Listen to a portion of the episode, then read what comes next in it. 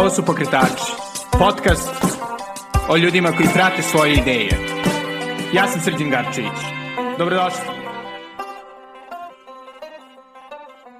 Tijena, ogromno zadovoljstvo da smo se konačno našli u Beogradu, gde smo se jeli upoznali u gimnaziji. I malo pre, pre nego što smo ovaj, krenuli da snimamo, sam baš primetio kako ti imaš savršen CV. Ovaj, bila si u super faksovima, onda posle si bila u investment bankingu kada je to bilo cool, onda si bila super cool startupovima kada je to bila cool, sada si ove, izrazito visoko, izrazito zabavnom startupu koja sada trend širom sveta, ili Rapiju.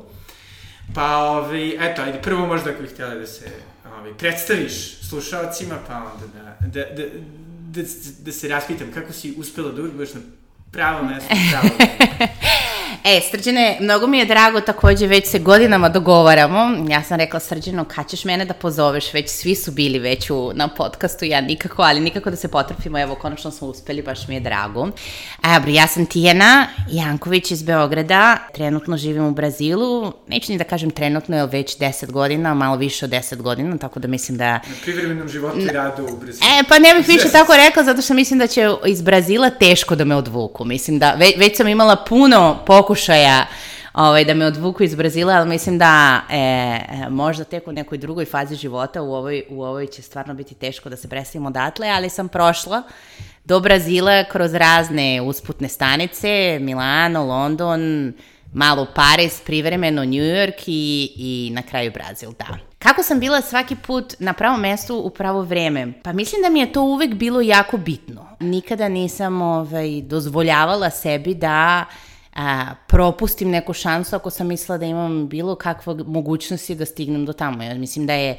A, I sećam se, mislim da je to počne onako i u porodici. Sećam se kad sam u jednom trenutku negde u gimnaziji imala nekog dečka i onda sam tako rekla, pa ja ću da ostanem da studiram u Beogradu, bit će mi bolje i tako. I mislim da mi me, moja mama me rekla, kao, nećeš, mislim ti, ovaj, mi smo studirali ono na najboljim fakultetima koji su dostupni u Srbiji, Mislim, deca moraju da ideju korak napred, tako da ne možemo da se zadovoljimo ono, da nekom nastavkom neke situacije. Mislim da me to onako od, od tada uvek vuklo. E, otišla sam... I nezadovoljni potencijalnim zetom, tako da... Sigurno, uvek, ne? uvek.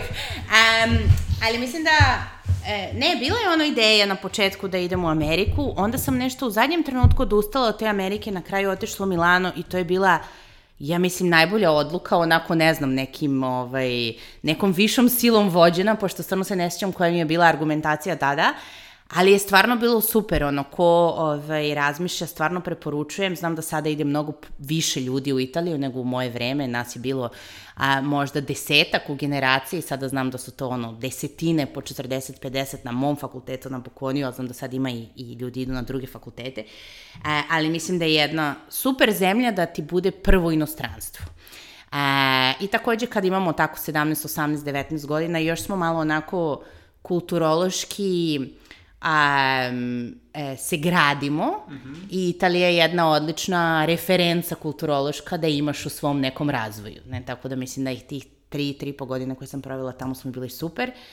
E, posle toga London, LSE, baš zato, nisam nikad nešto bila, ovaj, pravo da ti kažem, mnogo privučena Londonom, nikad mi to nije bio neki uh, onako ovaj, grad snova, za razliku od tebe, koji si uvek imao neki da, da, da. UK, ono, affinity od, fetiš. od, od, od fetiš, da, da, ja sam lepšu reč iskoristila, ali fetiš, da, od, od ranog detinstva. A, međutim, to je bila, to je bilo nešto najbolje, ne? LS je bilo, je bio za tu, za ekonomiju, za biznis je bio, bio je bila referenca za Evropu.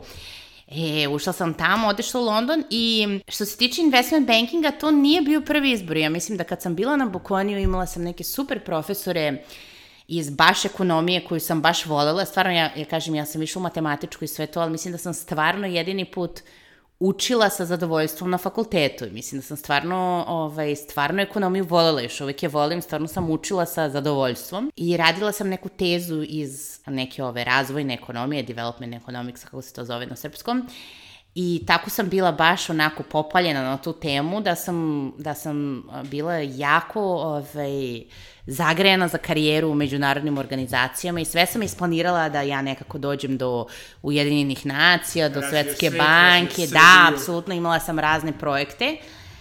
Međutim, tu mi se opet nekako ovaj, desila jedna srećna okolnost da sam u nekoj, nekoj razmini studenta iz Italije u Americi upoznala jednog dečka koji je bio moj dečko tu jedno vreme koji je iz, eh, bio iz Alžira i cela porodica mu je bila iz Ujedinjenih nacija. I onda sam imala onako neki drugačiji pogled na to, živela sam to s njima nekoliko meseci, nekako kako izgleda taj život i onda sam shvatila da mi se to uopšte nije svidelo i da to uopšte nije bilo za mene, da sam ja imala puno te neke onako pokretačke snage uvek i htela da se stvari materializuju, a da, je, da su to bile karijere u kojima se moralo imati puno strpljenja, puno prihvatanja da, da stvari idu na neki način i da mi to ne možemo da promenimo i tako dalje i da verovatno u tome ne bih bila srećna. I onda kad sam se vratila u London, onda kad nije to, e onda idemo u drugi ekstrem, da kažemo, ajmo u investment banking, opet zato što je to bilo nešto što je bilo najbolje u to, u to vreme, ne, najbolji su išli u to. I jedna od redkih stvari koje su garantovali vizu. Takođe, da.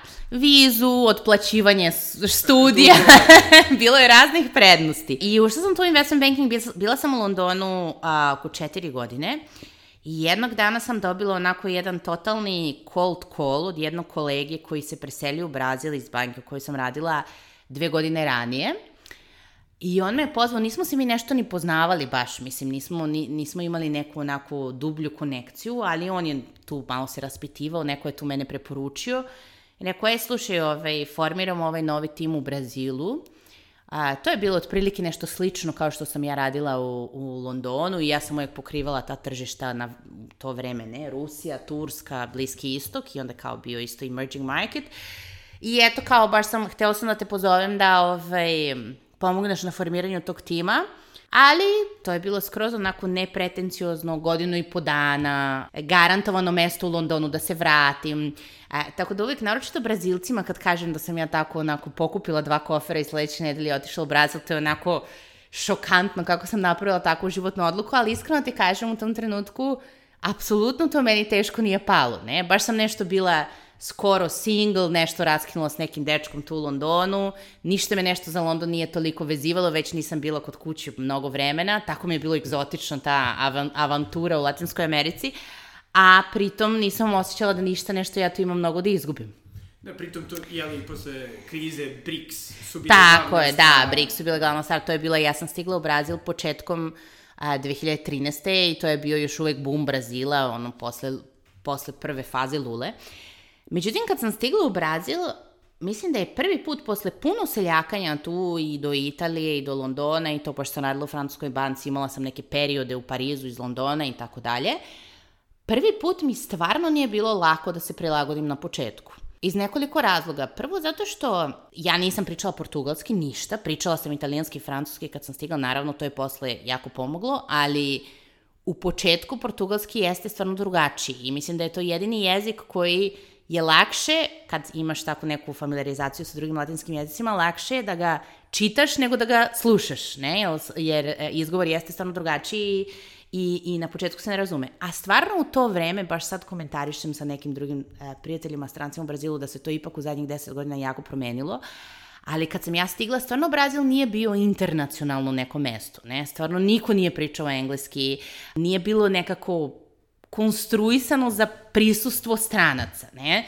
Nisi mogao ništa da uradiš recimo bez CPF-a, što je njihov kao neki onaj social security number, JMBG, ne znam. Da, da. A, ako nemaš to, a naravno kao stranac nemaš to, apsolutno nisi mogao ni, ništa da uradiš, tako da e, bilo je malo komplikovano sa te strane, u smislu da zemlja nije bila spremna za primanje stranaca, malo jezički takođe, ali sa druge strane isto malo društveno, što mi je bilo a, a, baš zanimljivo, zato što za razliku od tih mesta koje su London, Pariz, New York, posle u kome sam bila neko vreme takođe, koje su po svojoj definiciji neka prolazna mesta i relativno je lako u suštini a, stvoriti neka prijateljstva, bez obzira što ta prijateljstva neće biti posle jako čvrsta, jako duboka, ali u suštini svi konstantno traže prijatelje, svi konstantno gube prijatelje i moraju da ih zamene novim prijateljima, tako da u suštini jedno upoznavanje tu, odmah se tu nekako stvori neka,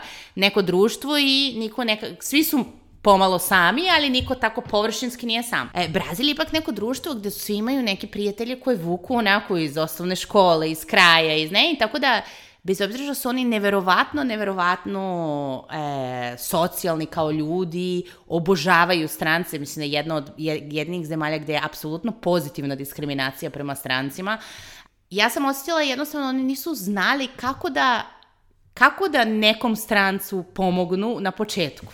Nisu mogli da shvate da taj stranac nema prijatelje tu i da ga treba sad nekako uključiti. Ne? Tako da taj početak nije bio od najlakših, ali ja danas kažem svima tako koji su novi u Brazilu, koji dođu negdje sa strane, kažem, bom, postoje dva, dvoje, dva tipa stranaca u Brazilu. Oni koji dođu i pobegnu za manje od godinu dana, pošto ih taj početni šok dotuče i ne uspeju da pređu preko njega, ili oni koji prevaziđu tu prvu godinu i posle toga nikad, ne odu, nikad više ne odu. Da, da. I ja stvarno ne znam nikoga ko je ostao u Brazilu 3-4 godine. Znam ljudi koji su ostali u Brazilu godinu dana ili koji su tamo zauvek.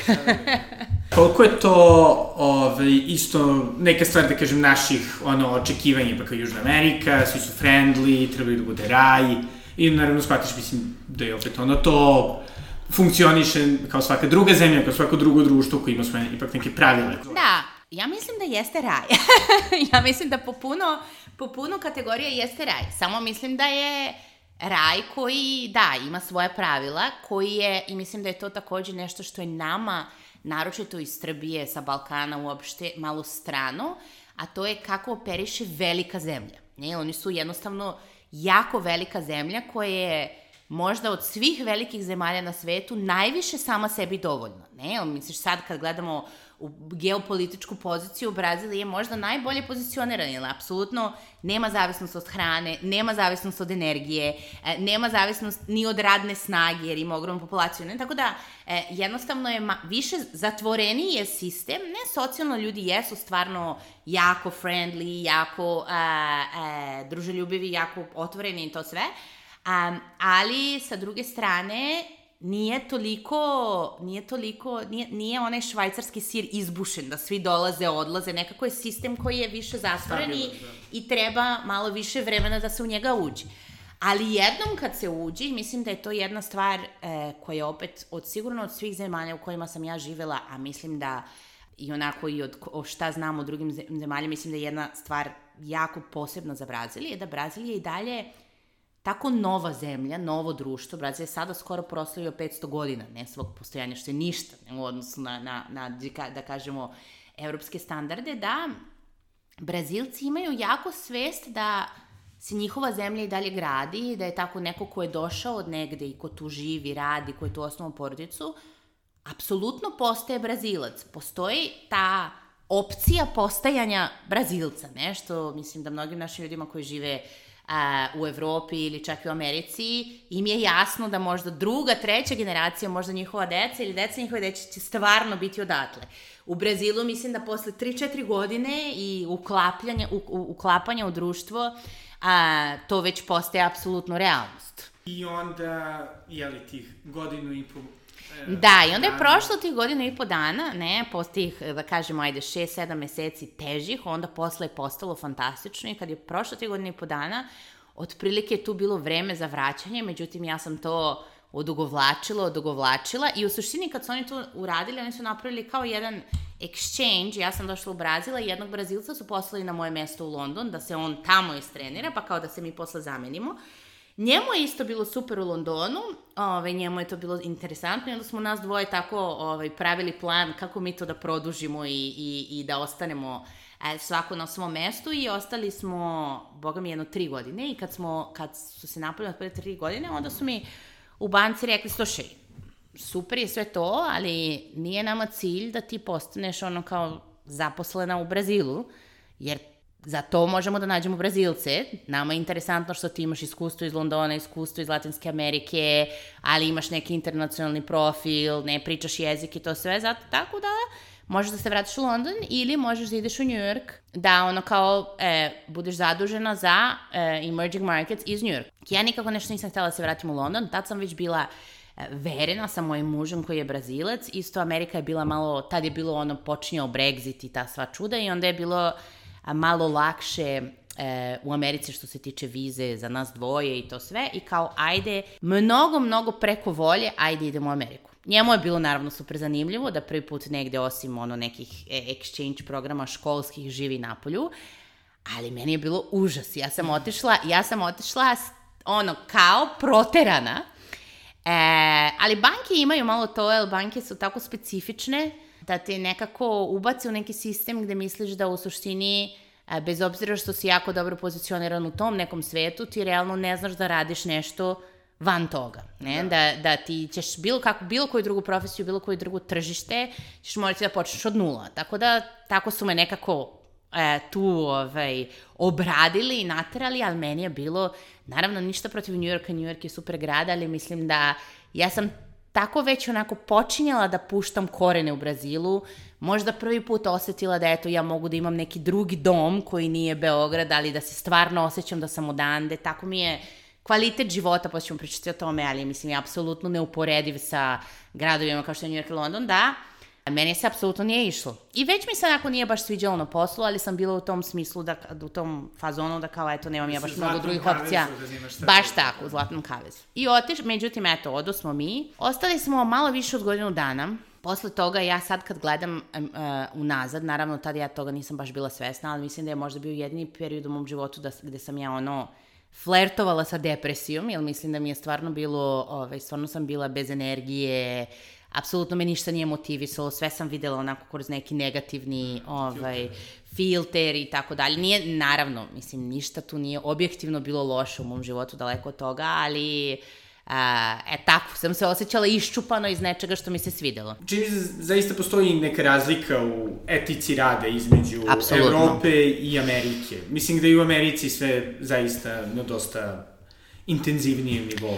Intenzivnijem, ali takođe ne postoji neki, a, da kažemo, kvalitativni, emotivni, prijateljski faktor a, uključen koji kompensuje nekako situaciju u kojima možda ti posao nije toliko, ti ne daje toliko gratifikacije, ali zato što ti je super, e, zato što imaš prijatelja na poslu, ti je okej, okay, ne? Što je sigurno meni bio slučaj u Brazilu.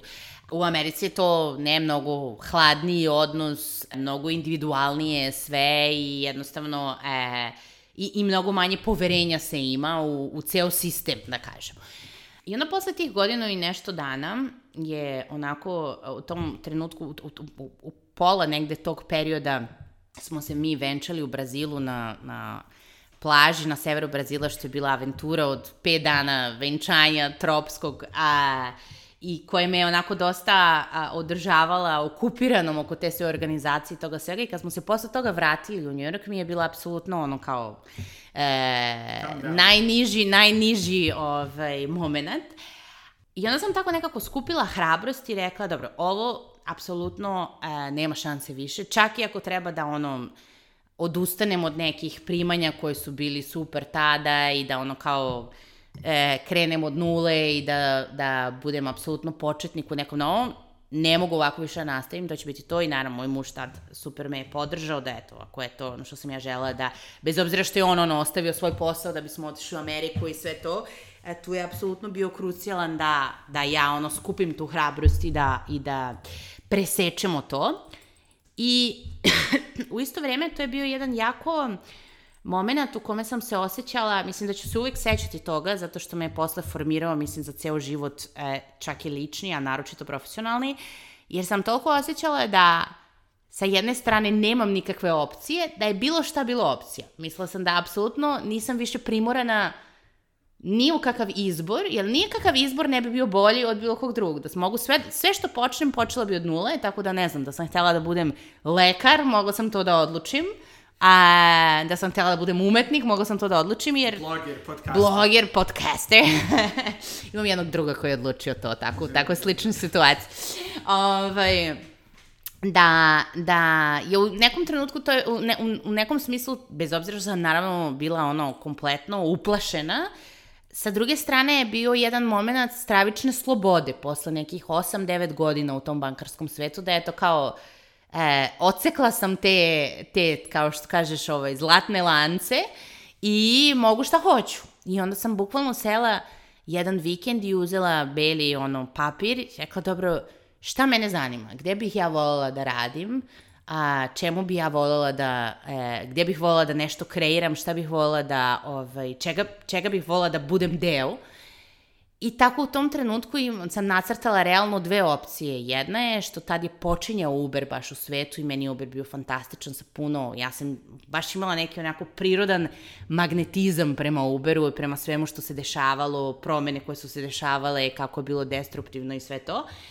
I sa druge strane, ja isto ove, imam neki, ono, neku neobjašnjivu ljubav prema avijaciji i našla sam neku firmu a, koja je kao neka startup od Airbusa u San Joseu, tamo u Kaliforniji, koja pravi ove VTOL, ne, ove individualne letelice, stravično futuristički to sve. Međutim, ta druga opcija je zahtevala ne vizu i sva čuda u, u Americi, tako da sam toga odustala i kao, ajde idemo na Uber a, svim snagama.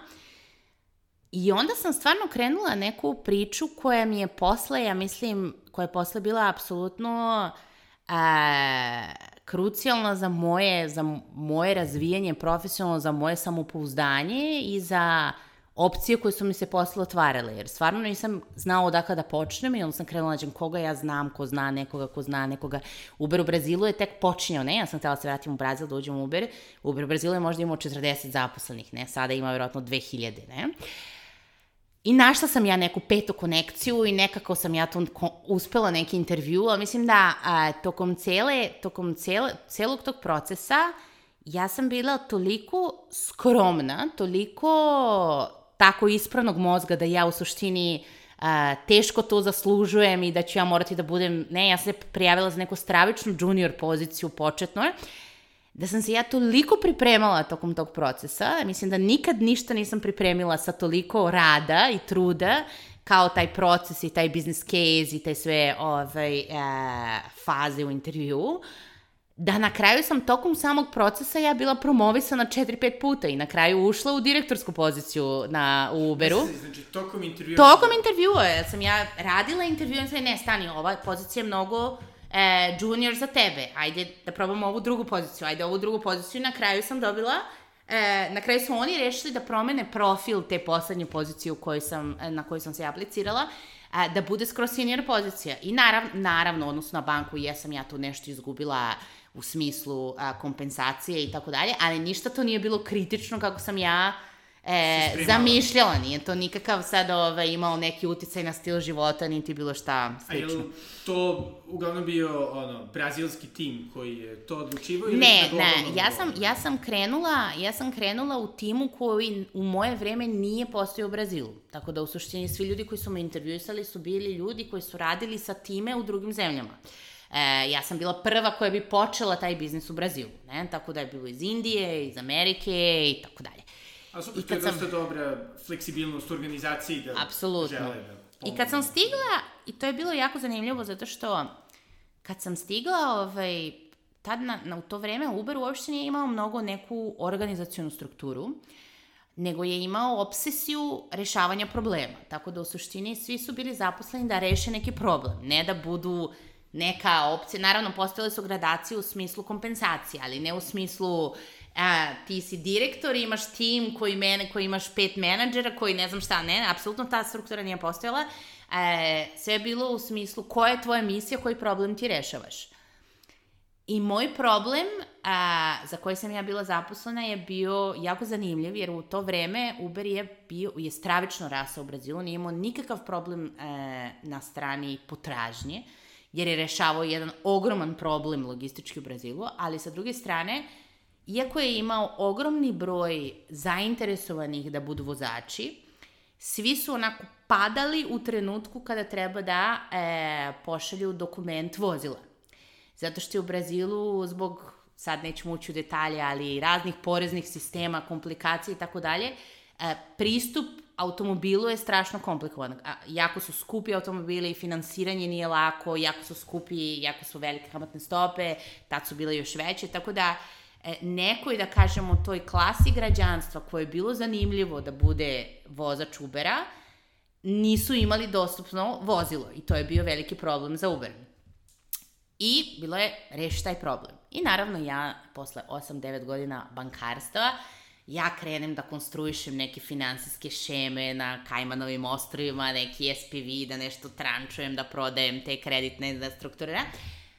Ali to je, ja mislim, bilo veliko ono a, osvešćenje moje iz tog nekog kompletno abstraktnog bankarskog sveta u hiperrealni svet koji je Uber bio, koji se apsolutno dešavao na ulici, da kad sam ja prvi put tako predstavila tu neku strukturu apsolutno e, sofisticiranu finansijsku, taj moj a, šef u tom trenutku koji je sedeo u Indiji, bio je do tada ono GM od, od Indije, od Ubera, me rekao, dobro, jesi ti ovaj, pokušala to da objasniš vozačima? Kako će ta tvoja struktura da mm. funkcioniše kao, a, kako to, ajde idi ovaj, tamo u taj centar gde aktiviramo vozače, zove dvadesetak njih i, i, i ispričaj, mislim, pita ih da li, je, da li im to odgovara on.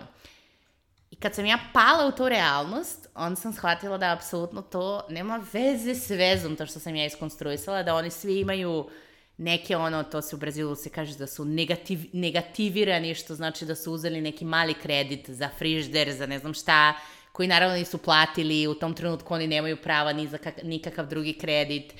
Apsolutno finansijski pristup njima, finansijskom a, sistemu nekom je bio nezamisliv u tom trenutku.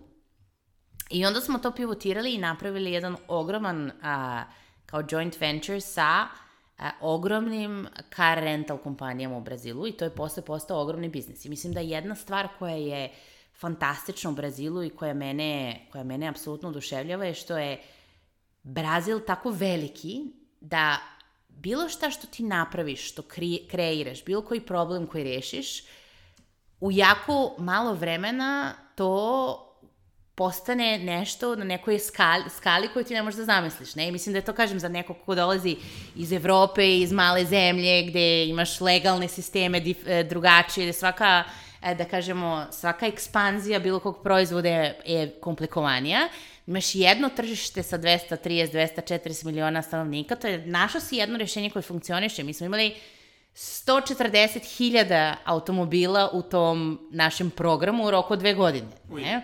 Tako da su to ono neke proporcije koje su, koje su nezamislive, ali to mi je da kažem bila strašno, bila sam skoro tri godine u Uberu a, do IPO-a i to mi je bilo onako kažem apsolutno, apsolutno transformativno a, iskustvo koje mislim zbog toga kako se sve to desilo me je onako naučilo da apsolutno više nikada neću biti rob ničega, znaš, da apsolutno sve može iz početka i da ništa, nikakva, nikakav manjak iskustva, a, niti manjak nekog znanja, niti ono što deluje na početku da neće možda biti finansijski interesantno i tako dalje, ne mora da znači ništa i da postoji a, neki onako superpower kad radiš nešto u čome stvarno uživaš. Da onda se nekako univerzum organizuje da sve ide u tvoju korist. Što bi rekao veliki brazilski filozof Paulo Coelho. Tako je. Baš tako. Da. Brazilci su jako spiritualni. To se, nekad, to se nekada pogrešno interpretira kao religiozni, ali mislim da Brazil je strašno plurireligiozno društvo. Svi imaju neke alternative nekih poznatih religija i često menjaju religije. To je apsolutno normalno da tokom života neko, moja, moja svekrva, ona je odličan ovaj primjer, ja mislim da je ona jedno 40 crkvi promenila, svake godine ima novu, onako menja kod cipele, ali u suštini a, mislim da je to druga velika razlika. E, nije bitno šta i velika je verska tolerancija, jer ima i raznih nekih stvari koje bi nama bila jako čudne, na primjer, postoji ta religija koja se zove espirita, koja je verovanje u duhove i ono, e, prizivanje duhova i to sve, a što bi nama bilo malo onako spooky. A, ne, to je normalna religija, kao svaka druga, nije problem, ali um, jako se poštuju među religije i kažem, svako nekako zabere neki svoj miks od malo elemenata religije, ima puno uticaja afričkih, ne koje su došle iz Afrike sa robovima takođe, koje su se pomešale sa hrišćanstvom, raznih mikseva ali svi imaju nešto, ne? Svi veruju u neku višu silu, e, svi veruju u neku u nešto iznad njih, što je onako zanimljivo, jer mislim da ovaj, mi naročito ne u našem nekom porodičnom sklopu nismo odrasli u takvom nekom, e, da. takvoj nekoj organizaciji. Da. I, I da li se to na neki način prenelo na tebe, ovaj, te njihovo Pa ja mislim, da, ja mislim da, ovaj, naravno, za mene je bilo malo e, teže da se stvarno, ono, mislim da je bilo već malo kasno da se stvarno uputim u neku religiju formalno, ali moram da ti kažem da posle deset godina stvarno taj neki, e, kako bih rekla, spiritualizam kao state of mind, ne, ne kao neko poštovanje nekog playbooka neke religije, ali neko tako verovanje da, eto, ako radiš dobro, dobro će ti se vratiti, da ako ti se puno dobrih stvari desilo, imaš neku obavezu da to vratiš, e, da, da kažem, univerzum ima neki svoj neki svoj ways of working koji treba poštovati, znaš? Mislim da da, mislim da to počinje polako da ulazi u mene, znaš, da, i da. ovaj, nekad se i sama začudim, ali, ali mislim da je to onako jedna jako jako bitna stavka u društvu od koje je teško posle nekog vremena pobeći, naročito naravno zato što kao što sam ti rekla, u Brazilu re, stvarno postaneš brazilac i živiš kao brazilac. Nemaš ti sad tu neki expat circle gde ti sad živiš nekako odvojeno od lokalnog društva. Da da živiš na, usmeričeno, na farmi i gledaš ono, lokalce kao... Ha, da, ha, ne, ništa od toga. Ili kao u Londonu gde ono, gledaš kao engleze oko sebi kao, ja, i ne mogu da verujem šta oni. Da, da, ponovo se napili, ponovo su u bikiniju na 15 stepeni, da. zato što je izašlo sunce. da, da, da. Super, super. I, i dobro, pretpostavljam da, da nije bilo nijednog trenutka kada si za, zaželili bilo prva, kako je bilo divno u BNP-u. Ne, stvarno, ovaj, za bankom nikakav žal, zaista. e, zaista nisam onako ovaj, pogledala unazad ni u jednom trenutku. Mislim da ono, imam puno ovaj, stvari za koje sam zahvalna i nekako, eto, u tom nekom spiritual state of mind uvek gledam zašto je to bilo dobro i stvarno da mislim da jeste. Mislim da a, puno nekih stvari koje sam tu naučila o em, komunikaciji, o ne, nekom ovaj, radu pod pritiskom, o velikim rizicima, a, raznim nekim elementima su mi posle bili jako korisni, ali mislim da nikada nisam, mislim da postoje ljudi koji su više abstraktni, postoje ljudi koji su više e, da kažemo, materijalni, ne u finansijskom smislu, nego u smislu da moraju da vide nekako svojim očima rezultat svog rada i mislim da sam kroz ovu tranziciju ja sigurno naučila da sam ja više u toj drugoj grupi i da imam mnogo veću satisfakciju i mnogo veću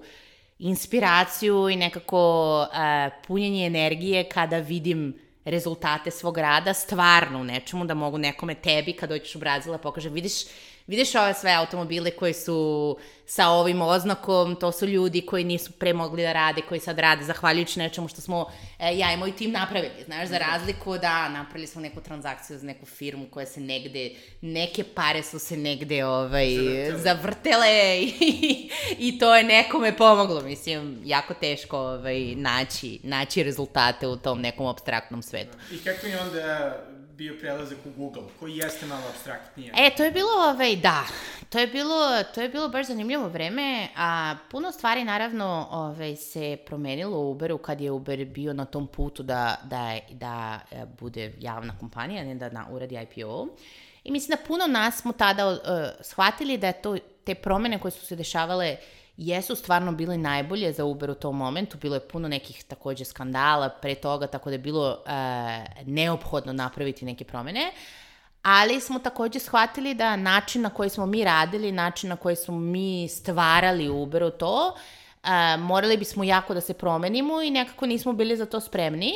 A, tako da puno nas sa tih ono nekih a, vodećih pozicija, a, ne samo u Brazilu, to su sve to deset, smo rekli, ok, a, ono, u jako dobrim, da kažemo, odnosima a, ćemo se rastati.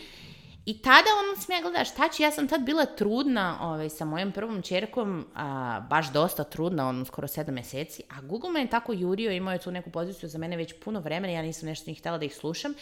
I onda kao ajde i dobila sam savet od puno ljudi kao ma to ti je super, bit ti fenomenalno, naročito sad eto kao imaćeš decu, malo opuštenije, neće biti tako ludački ritam, super firma sa super ne benefitima, um, stabilno ovo ono i tako sam malo ovaj, ja to uh, prihvatila možda više nego što i možda više nego što sam sebe poznavala u tom trenutku, mislim da uvek ono taj neki moment kad dobiješ decu te je veliki moment upoznavanja samog sebe, kakav si ti, tako da i ne, ne krivim se mnogo, ali nisam, ne mislim da sam mogla mnogo bolje da predvidim.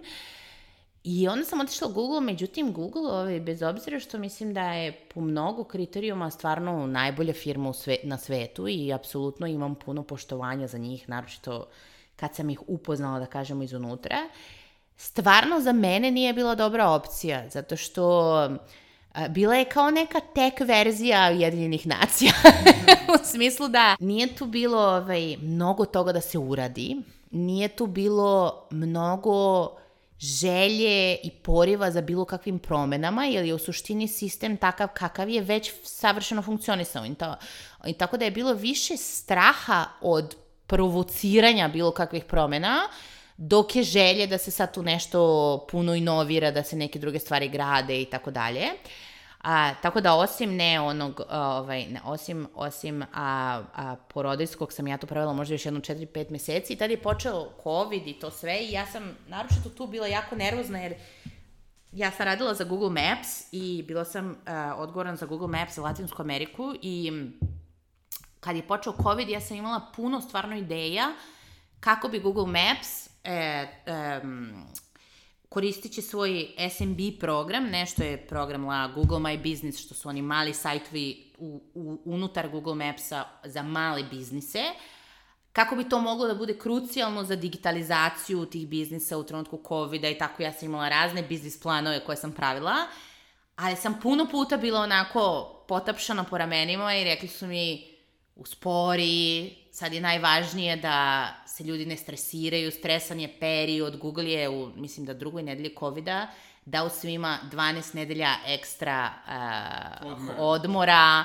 Moj ceo tim je otišao na odmor, ja sam bila strašno frustrirana time, ali nisi mogla ništa da kažeš, tako da sam shvatila da u ovom trenutku to ide nekim svojim ritmom koji a, daleko od toga da bih ja mogla da kritikujem zato što je firma toliko dobro pozicionirana, ali da jednostavno um, to nije ne, mesto gde ja mogu da, da kažem, ispraznim svoju energiju koju sam na moje možda sobstveno iznenađenje posle tog porodiljskog ja još više imala. Nekako sam se vratila sa porodiljskog sa više želje da kreiram, više um, više nekako uh, apetita za rizik, tako dalje.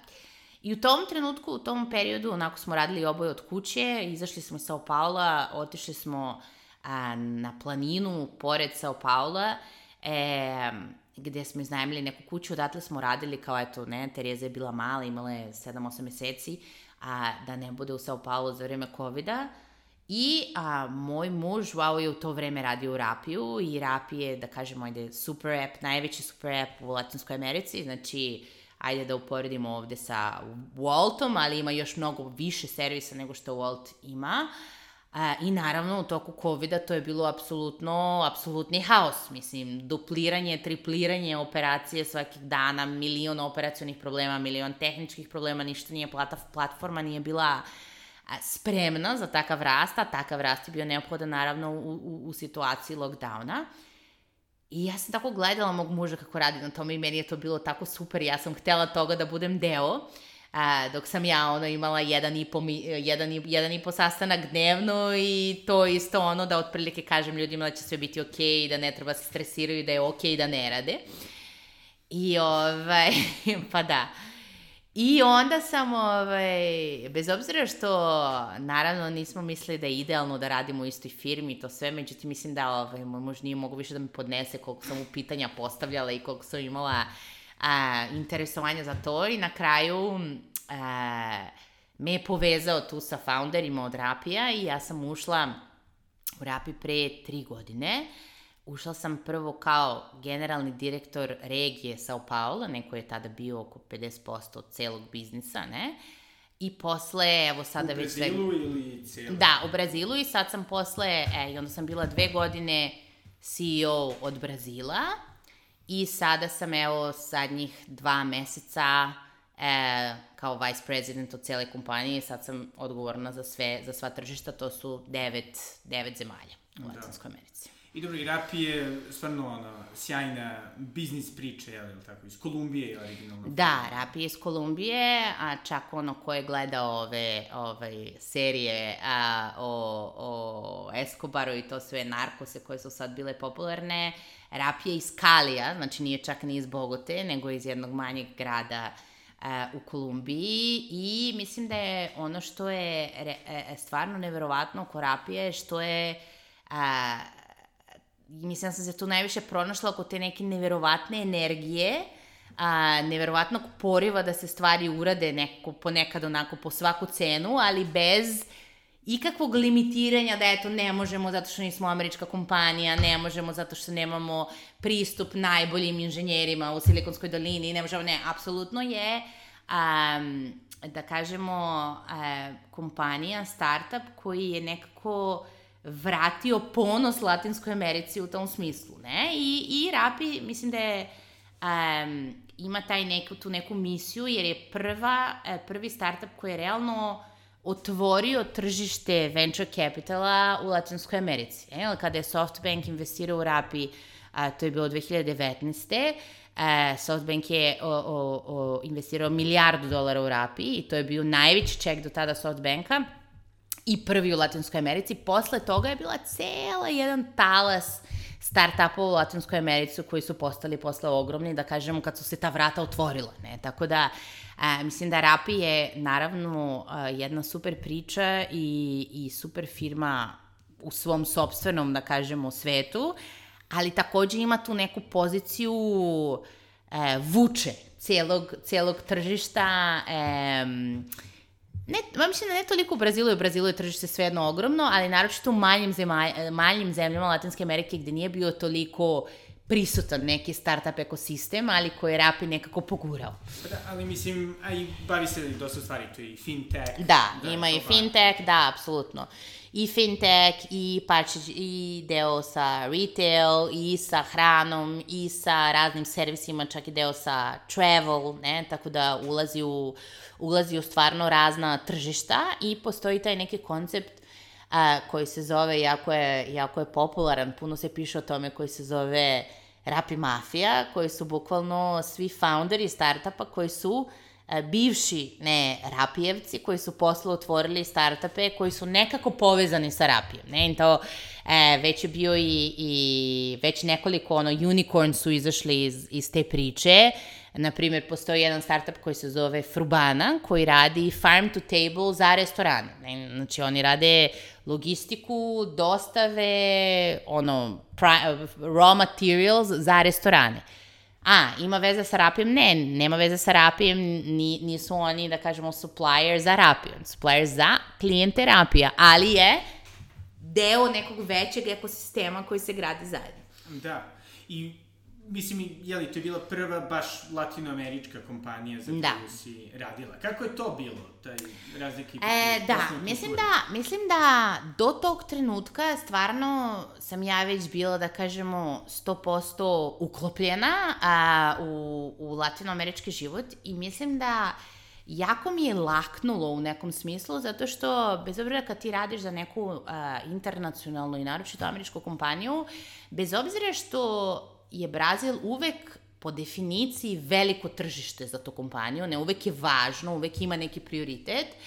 Um, bez obzira na to, uvek si ti nekako neki lokalni tim a, koji je više u nekoj egzekuciji nego u nekoj strategiji, koji nema neki, neku mogućnost da stvarno radi nešto drugačije nego što a, tamo headquarters negde u Americi u Evropi, da kažemo, komanduje. I uvek postoji taj neki ogromni deo vremena koji provodiš edukujući ljude a, koji sede u San Francisco ili gde, a, o tome kako lokalni, lokalno tržište funkcioniše, ne? Primjer, daću ti jedan primer koji je bio onako baš obeležio moje vreme u Uberu, ne? A, u Latinskoj Americi, u Brazilu, koji ima najveću penetraciju kreditnih kartica, mislim da je oko 40% populacije ima kreditne kartice. U Meksiku već to je ispod 20%. Uber je imao neku misiju da cela, uh, celo iskustvo Ubera mora da bude seamless, ne? Da to mora da bude neki super user experience. I zato kad smo mi prvi put predložili da mi krenemo da operišemo sa kešom u Brazilu, to je bilo apsolutno nezamislivo, jer kao to ide kontra svih principa Ubera, a, kada je Uber napravljen da bude magično iskustvo u kome nema celog procesa e, Plaćanja. ne znam šta. Međutim, a, i tako da smo proveli ja mislim jedno šest meseci objašnjavajući, pokazujući statistike, objašnjavajući da Uber ima ogroman potencijal u delovima grada koji su siromašni, gde ljudi neće možda koristiti Uber svaki dan, ali će koristiti Uber za neke prilike. Um, međutim, da e, tu ljudi apsolutno ne mogu da plate karticom i tako dalje i tako dalje.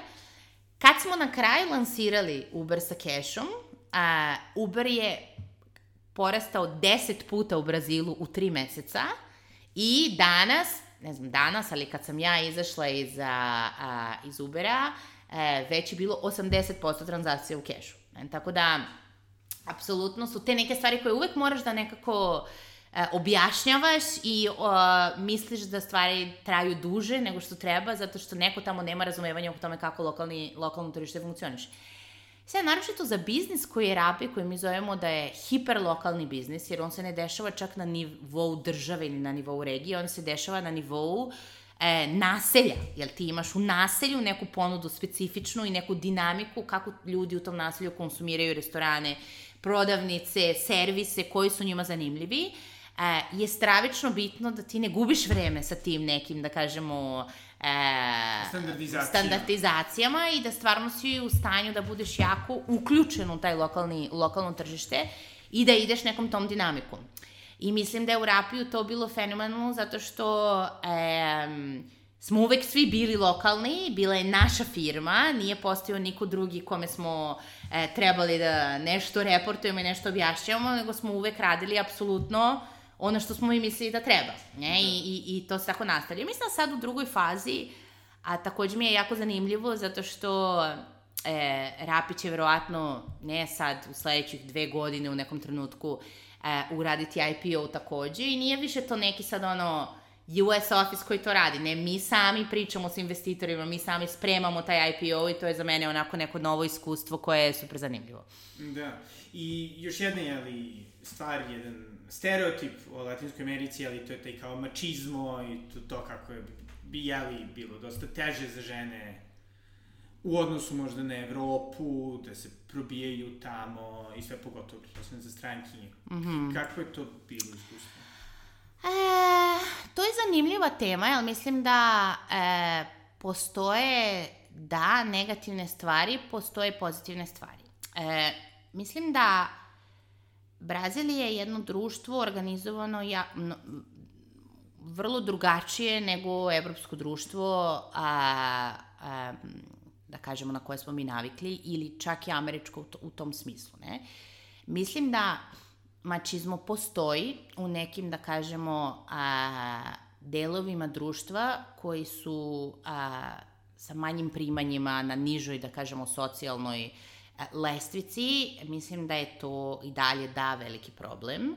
A, I da e, mislim da se menja jako, postoji velika svest oko toga, radi se puno na edukaciju oko toga. Mislim da već u 10 godina koje sam ja tamo uh, se dosta stvari promenilo, ali i dalje postoji uh, uh, dug put do tada. Mislim, mislim da kada pričamo o nekom ono korporativno egzekutivnom Profesionalnom. profesionalnom segmentu stanovništva E, ne bih rekla da je iskreno manje prisutno nego u, više prisutno nego u Evropi u bilo kom smislu. E, kad se gledaju takođe statistike, ono, fakulteta, političke i tako dalje i tako dalje. Dobro, Dilma e, Rousseff, jeli? Dilma, da, tako, imamo razne političarke prominentne. A, uvek, kandi, uvek kandidatkinju i sada na izborima je bila kandidatkinja žena koja je bila treća tamo, mislim, apsolutno su prisutne. Ne, mislim da ovaj, u, tom, u tom segmentu stvarno e, a, se nešto ostavlja. Mislim da sa druge strane postoje neke prednosti koje dođu iz neke organizacije druž, društva a, koja je drugačija, a, gde mislim da budući da je kvalitet života, ja mislim stvarno a, za ljude opet, ne, koji su u nekom profesionalnom svetu mnogo bolji e, nego u Evropi, nego u Americi. ja kao ne, žene, imam dvoje dece, uskoro ću imati troje dece, moje koleginice, sve drugarice koje su u nekom istom šemiji, iskreno mislim da nam je mnogo lakše da investiramo u, kari, u karijeru u ovom nekom periodu kad takođe imamo decu i familiju, zato što je a, društvo organizovano da je apsolutno dostupna pomoć. Ne? Tako da e, nije, ja sam na primer videla i to je recimo šokantno da kažeš u Londonu koje je možda najprominentnije, između najprominentnijih feminističkih a, društva možda samo gubi a, Skandinavije. Skandinavije i tako dalje. Ali i mislim da se to o tome priča puno u Skandinaviji, ti vidiš puno žena koje odluče da izađu iz profesionalnog života u trenutku kada imaju decu, zato što ako bi neku pomoć koju moraju da imaju, ali nema druge, druge, druge opcije u tom nekom prvom periodu, a, zaposlile, to više nema finanskog smisla, jer bi ta pomoć imala 60-70% njenih primanja, e, tako da apsolutno u tom slučaju je bolje i tako se gubi puno žena iz, iz poslovnog sveta. Kako je u Brazilu balans mnogo drugačiji čak i žene koje ne rade imaju full-time dadilje i drugu pomoć u kući i tako dalje. Bez obzira što to naravno društveno ima re, e, e, raznih negativnih posledica, u smislu promovisanja karijere za žene, to stvarno jako pomaže. Mislim, to možemo, moramo da priznamo, da jednostavno ja mogu da putujem, ja mogu da e, radim do kasno ako treba, ja uvek imam opciju nekoga ko će moći da spava kod mene, da bude tu non stop i to nije nešto što na šta ide dve trećine mojih primanja. E, to je nešto što je apsolutno, da kažemo, normalno za svakoga od srednje klase nadalje da ima, da ima e, u svojoj nekoj organizaciji života. Tako da, e, mislim da postoje onako, da kažemo, snage na dve strane koje, koje na kraju ne mislim da je tako mašizmu bilo nešto što sam kao identifikovala kao neki problem u društvu tamo. Da, da. I šta bi još rekla, šta su još neke stvari koje bi nas iznenadile ako bi odlučili da se preselimo u Brazil? Puno stvari. Mislim da je ovaj, jako zanimljivo. Mislim da verovatno malo slično kao i ovde posao i lični život su jako pomešani, tako da apsolutno se ide daleko sa prijateljstvima koji imaju neki svoj, neki svoj početak u nekoj poslovnoj relaciji i posle se, mislim da je participacija cele porodice u poslovnom, poslovnoj aktivnosti je velika, znači recimo a, poslovne večere, poslovna putovanja, skroz je normalno da cela porodica ide, puno eventova, evo sad nekih ovih eventova za CEO i tako dalje što ja idem, uvek su porodice pozvane i postoji ceo program za porodicu, dok smo mi na nekim sastancima, neko brine o deci, neko brine ne, tako da mislim da je Brazil, ali naročito Sao Paulo, Sao Paulo je, mislim da je, ja gledam kao New York možda 1800 te, stvarno je, svako ima neki san, svako e, trči za nečime, jako se puno radi, mislim da ima jednu e, strašno jako radnu, radnu etiku, ali je porodica strašno bitna, tako da način da se te dve stvari spoje je da se porodica pozove nekako u taj poslovni ambijent i na početku je meni to bilo jako čudno, ali sada mi je apsolutno okej okay da ja imam relaciju sa recimo suprugama mojih kolega, da moje deca e, poznaju decu mojih kolega, da oni imaju neki svoj društveni život koji je pomešan u, u poslovni, ne? E, mislim da je druga stvar koja je jako zanimljiva, to je onako više, da kažemo, a, nema nikakve veze sa, sa profesionalnim svetom, ali mislim da ceo sistem relacija međuljudskih, a naročito da kažemo ljubavnih i fizičkih, je strašno casual, da kažemo. E, tako da postoji recimo karneval je a, vreme kada, kada e, je sve dozvoljeno i o tome se posle nikad ne priča. Ne? Tako da Aha. karneval, na primjer, nije ono što mi znači, zamišljamo. Prava tradicija, nisam za turista. Apsolutno, znači karneval nije nešto što mi zamišljamo ako neko planira da putuje u Brazil na karneval, molim vas nemojte ići samo u Sambodromu da gledate povrku, to je lepo da se gleda jedno veče, ali karneval nije to, karneval je u celoj zemlji na ulici, ne, i to su bendovi koji sviraju na ulici i ti blokinjos koji idu za njima, grupe od 1000, 2000, 5000 ljudi koji idu za, za tim bendovima koji sviraju sreće se po ulici, tako dalje. I recimo, apsolutno je normalno, recimo, za nekoga ko je u nekoj ozbiljnoj vezi ili ko je a, u braku i tako dalje, to se ne radi za vreme karnevala. Te osobe idu, putuju na more, putuju na druge.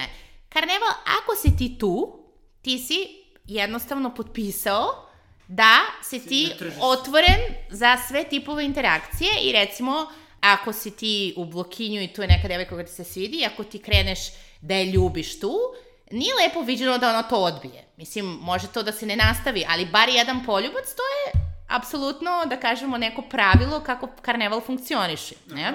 I tako, i to ne znači, ali to takođe ne znači da ćete 15 minuta kasnije vi imati bilo kakvu obavezu jedan prema drugome. Ona će ljubiti nekog drugog, ti ćeš ljubiti nekog drugog. I postoje čak gradacije a, gde to se završava na ljubljenju, recimo Rio je tako malo više light u tom smislu, ali Salvador već ako si tamo, onda znači da prihvataš e, da to ode malo dalje, ne u tom smislu. Tako da, mislim da postoje te neke fizičke interakcije, da kažemo, koje su na početku e, e, malo teže da se shvate. I, i e, s time u vezi, e, mislim da je možda život nekoga koji je single u odnosu na život nekoga koji je u vezi ili u braku, možda malo više drugačiji nego što bi bio drugačiji u nekim drugim, a, u nekim drugim kulturama. Ne? Poznat Što neko ko je- kao što je London, na primjer. Tako tako da mislim da ko je single je u igri i nije, nije, ovaj, bit će čudno ako, ako ne igra igru u kojoj, ne? Tako da mislim da je, ovaj, to je onako bilo nešto što je društveno bilo meni jako zanimljivo i ja sam se, ono, detalj, ja sam se preselila u Brazil dva dana pre početka karnevala, tako da sam pala apsolutno bez pripreme u karnevalsku tu priču i ovaj, bilo mi onako poprilično šokantno, ali do trećeg dana sam već ovaj, se opustila i to je bilo to. Ali mislim da generalno, ovaj, eto, ono, kao, e, kao završni savjet, mislim da je po meni, a mislim da je zemlja, Latinska Amerika generalno kao regija, ma naročito Brazil koja je kao zemlja, mislim da je jako mnogo više pomešana nego što mi zamišljamo. Mi uvek zamišljamo, ja bar sam imala neku koncepciju Brazila kao eto svi su tako nekako smećkasti, ne, svi su tamnoputi, to je tako neka nacija, malo ne. Međutim, Brazil ima 18 miliona ljudi sa italijanskim pasošem. I to su bili ogromne imigracije iz Italije, iz Nemačke. Sao Paulo je najveći japanski grad izvan Japana, ima fenomenalnu japansku hranu, mislim da je najbolja japanska hrana posle a, Japana je tamo, ogromnu japansku tradiciju, koreansku, znači a, bez obzira što je društvo koje je strašno homogenično, svi su se stvarno jako pomešali, niko i ti Japanci ne pričaju japanski, italijani ne pričaju italijanski, svi su oni to zaboravili tu negde 1900. te kad su svi došli, ali je strašno, kažu da je brazilski pasoš najskuplji pasoš na crnom tržištu, Zato što apsolutno svako može da bude brazilac, ne, apsolutno svaka e, ne, DNA struktura se uklapa u brazilsku koja je 100% pomešana.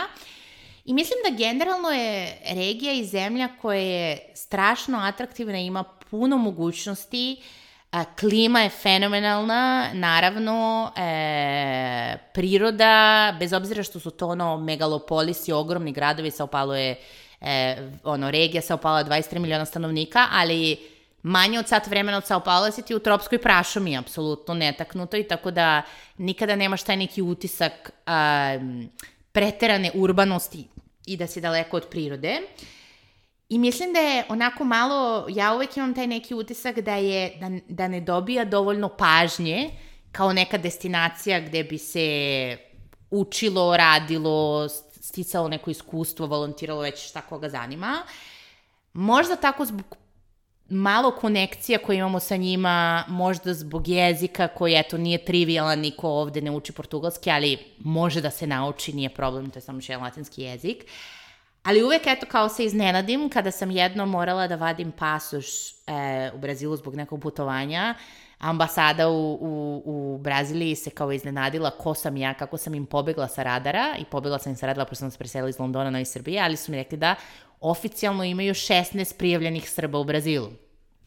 Tako da je to ono, u odnosu na, ne znam, Chicago, nešto što meni je nezamislivo. Tako da mislim da naročito ako ste ono u nekom IT sektoru, startup sektoru, a, umetnosti takođe, a, arhitektura, građevinstvo je stravično razvijeno tamo, stravično puno se gradi, populacija jako raste, e, zemlja se ono podiže, a, razmislite o nekom ono iskustvu u Brazilu, mislim da, mislim da ima šanse da sve jako pozitivno iznenadi. Da, nije loše, nije loše. Zvuči sjajno.